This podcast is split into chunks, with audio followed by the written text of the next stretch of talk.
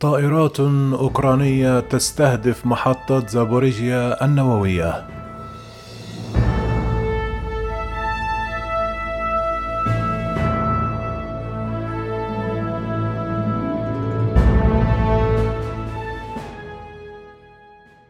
مع استمرار العملية العسكرية الروسية في أوكرانيا تستمر القوات الروسية في استهداف للمواقع العسكرية الأوكرانية.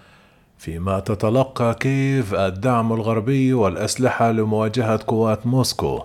في آخر التطورات أفادت وكالة نوفوستي بأن مسيرات أوكرانية هاجمت محطة زابوريجيا النووية مشيرة إلى أن محطة زابوريجيا النووية لم تتأثر بالهجوم. هذا وأفاد الإعلام الروسي بأن الجيش الأوكراني قصف أراضي حدودية روسية في مقاطعة كورسك الروسية مستخدما المدفعية.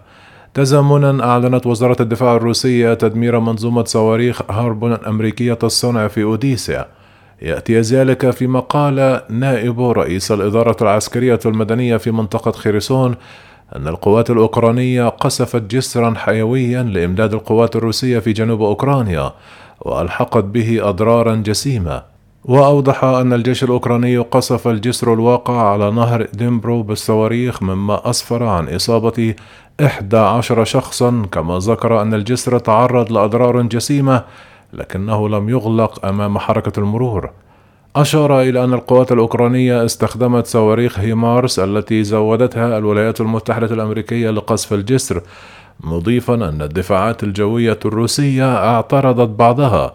القصف الذي تعرض له جسر أنتونيفسكي هو الثاني خلال بضعة أيام. حيث أصيب بأضرار طفيفة جراء قصف أوكراني الثلاثاء وفقا للسلطات المدعومة من موسكو في خيرسون. يأتي ذلك فيما قالت وزارة الاستخبارات البريطانية أن روسيا مستمرة في تحقيق مكاسب محدودة في إقليم دونباس مشيرة إلى أن السيطرة على معابر دنبر ستكون عاملا مهما لحسم القتال بدونباس. أفادت وكالة أسوشيت بريس أن القوات الأوكرانية قصفت جسرا رئيسيا في الجنوب الخاضع لسيطرة روسيا وتزامنا كشفت وزارة الدفاع الروسية عن نشر التشكيلات الأوكرانية مسلحيها في مدرستين بمدينة دنبر وسط أوكرانيا وتجهيز نقاط نارية ومرابط مدفعية في محيطهما. أعلن رئيس مركز مراقبة الدفاع الوطني الروسي أنه تم أيضا نشر نقطة مؤقتة للتشكيلات الأوكرانية في منطقة قناة المياه بالمدينة كما أشار إلى أن مقاتلي الدفاع المحلي الأوكراني بدورهم جهزوا معاقلهم في المباني السكنية في مدينة نوكلايف ويمنعون السكان من مغادرة شققهم وتم قمع محاولاتهم للنزوح بقسوة بحسب ما نقلت عنه وسائل الإعلام الروسية. كما شددت القوات الروسية قصفها على شرق أوكرانيا وجنوبها. أسفر هجوما صاروخي عن مقتل شخص يوم الثلاثاء في كراماتورسك المدينة الرئيسية الخاضعة لسيطرة كييف في منطقة دونيتسك في شرق أوكرانيا والتي تسعى القوات الروسية للاستيلاء عليها. في جنوب أوكرانيا في منطقة أوديسا أصيب ستة على الأقل بجروح أحدهم طفل بحسب الرئاسة الأوكرانية. وفي طهران حيث دعي لإجراء محادثات مع نظيره الإيراني إبراهيم رئيسي والتركي رجب طيب أردوغان بشأن الملفين السوري والأوكراني. أكد فلاديمير بوتين إحراز تقدم في المحادثات حول تصدير ملايين الأطنان من الحبوب الأوكرانية التي يحتاج إليها العالم لتحقيق التوازن الغذائي.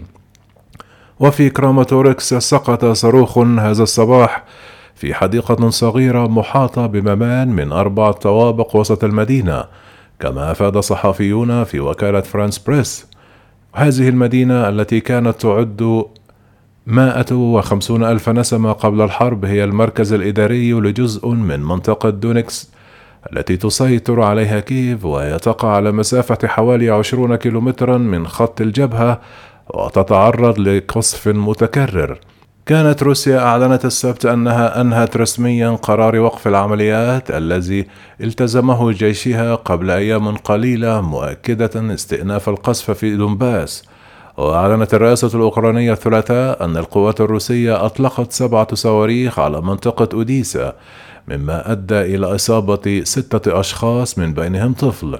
من جهتها أعلنت وزارة الدفاع الروسية أن الضربات الجوية على أوديسا دمرت مخزونا من الذخيرة قدمه الغرب لأوكرانيا واتهم البيت الأبيض الثلاثاء روسيا بالسعي لضم الأراضي الأوكرانية التي سيطرت عليها في الأشهر الأخيرة مؤكدا أن موسكو تستخدم الطريقة نفسها التي استخدمتها عندما ضمت شبه جزيرة القرم الأوكرانية في عام 2014 هذا ودعت وزارة الدفاع الأوكرانية الثلاثاء الدول الغربية إلى تزويد كيف بالمزيد من المدافع الدقيقة الإصابة مؤكدة أن هذا السلاح من شأنه أن يغير قواعد اللعبة ويسمح لها بشن هجوم مضاد على القوات الروسية.